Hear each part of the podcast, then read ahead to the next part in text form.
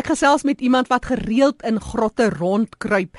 Hy vertel ons meer oor grondwater en die interessante ekologie en ekosisteem wat in 'n grot afspeel, 'n perfekte stelsel. Dr. François Durant, hy is van die departement dierkunde by die Universiteit van Johannesburg. Hy vertel ons meer oor grotekologie. Daar is 'n uh, 'n hele wêreld van organismes en goed wat in grotte voorkom. Almal ken die vlermuise en vlermuise inderdaad is een van die belangrikste sleutelgroepe in die ekologie van 'n grot maar um, weinig mense besef dat daar ook 'n uh, invloed is van die vlermuise op die grondwater. En ons kan baie grotte hierso in ehm um, Gauteng en in Noordwes en ook in die Limpopo provinsie kry mense dan grondwater wat ehm um, sigbaar is in die grotte self.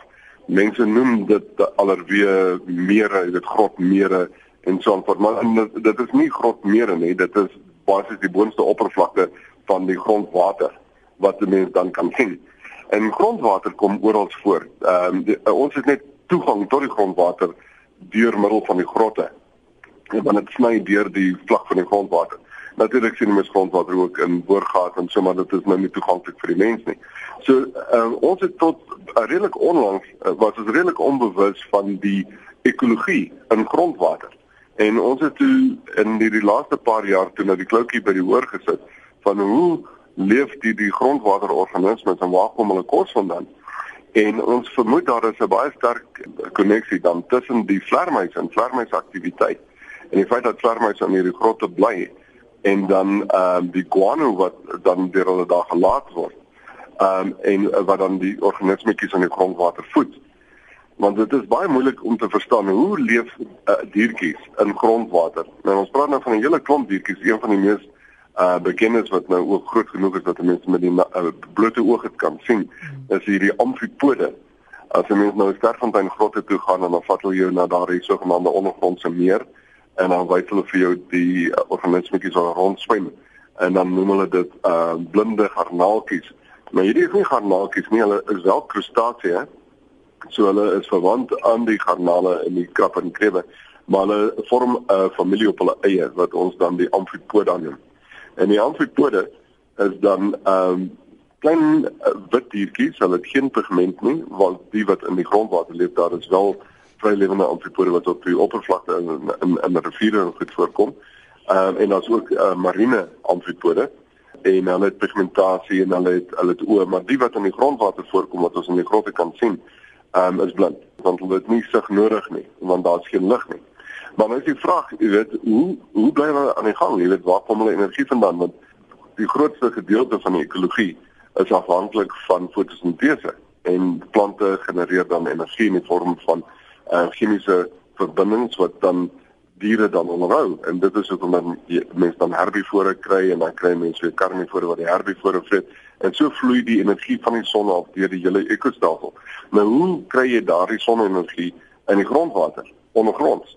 30 meter onder die grond. Ja. En die antwoord is, is deur die vlermuise. En dan die vlermuise voed op insekte wat op plante voed. En die plante voed is inteer deur die dag. So al voed die uh, vlermuise in die nag, eet hulle dan molekules wat in uh, deur middel van sonlig aan mekaar gesit is. En dan kom hulle in die in die grot in en hulle mis dan in die grot en dan is daar 'n organiese verryking wat plaasvind binne in die grot. Eers van die water van die van die grond onder op die bodem en dan natuurlik van daar af loop dit deur tot in die grondwater.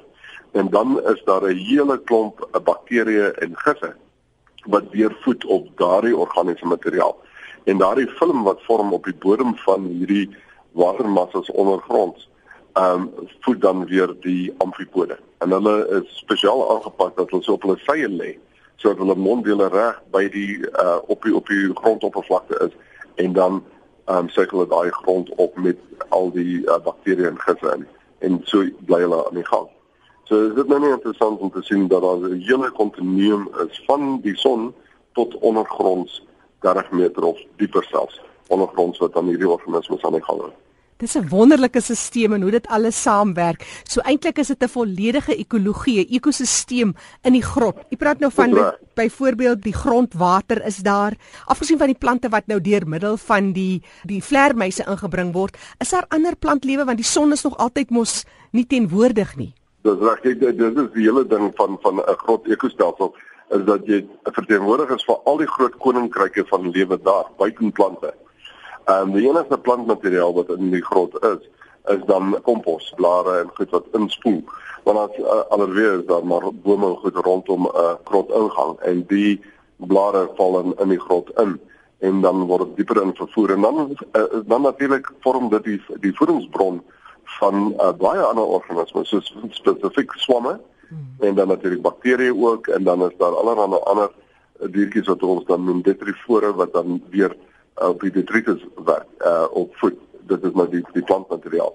En dan wat dan weer die kos uh bronne is weer vir ander organismes. So jy moet kry kewertjies en allerlei ander um, organismes binne so groot nou in Suid-Afrika gelukkig en ongelukkig het ons nou nie troglobiete nie regte troglobiete. Troglobiete is diere wat spesiaal aangepas is vir grotte dit is diere wie se voorouers in die grotte ingekom het en hulle kon nooit weer uitkom nie en hulle het lank genoeg daar geleef om so te verander en aan te pas dat hulle natuurlik ook gewoonlik dan hulle hulle sig verloor het en hulle lang antennes ontwikkel het want hulle moet dan meer staat maak op gevoel die gevoelsintuig en en chemoresepsie is wat hulle kan ehm um, staat maak op sig.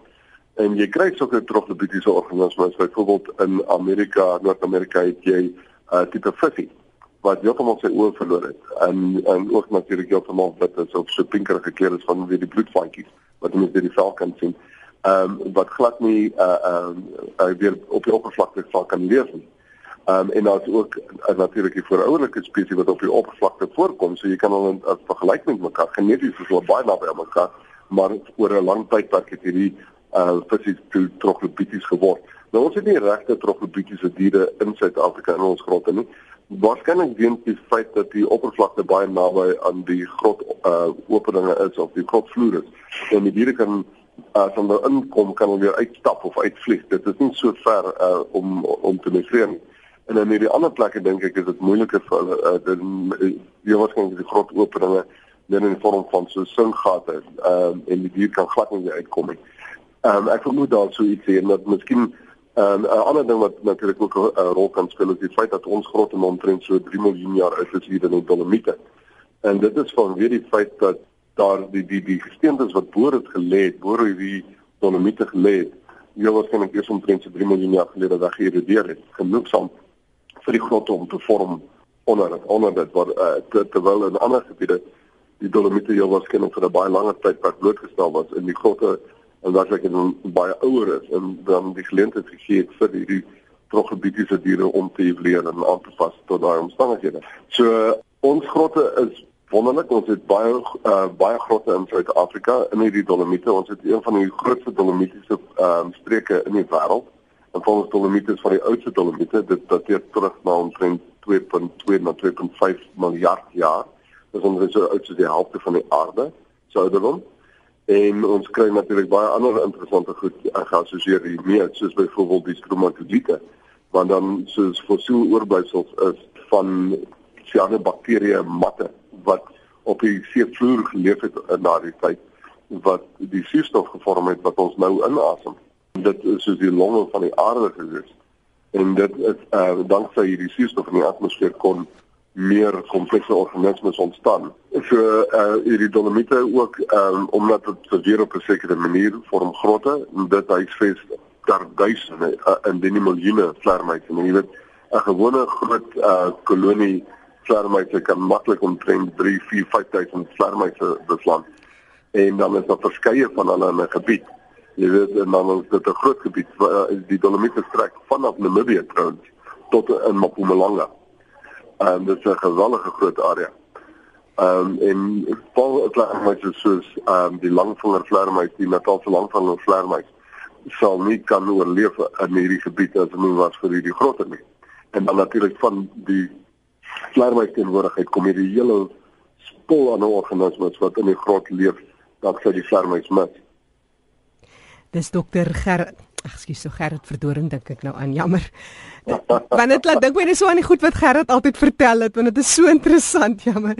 Dis dokter François Durant wat so geïnteressant vertel van grotekologie en ek is seker ons gaan hierdie gesprek op 'n volgende geleentheid moet verder voer, dokter, want ons het nou nog eens gepraat oor die kristalle en ander goed wat ook in hierdie uh, grotte vorm nie. Ek het 'n voorbeeld gesien in die grotte in Oudtshoorn by die Kongo grotte waar daar 'n plant deur 'n skeur van bo die aardkors deur daai klipwand breek en in die grot groei. Maar op 'n volgende keer meer hieroor. Dr. François Durant van die Universiteit van Johannesburg, departement dierkunde.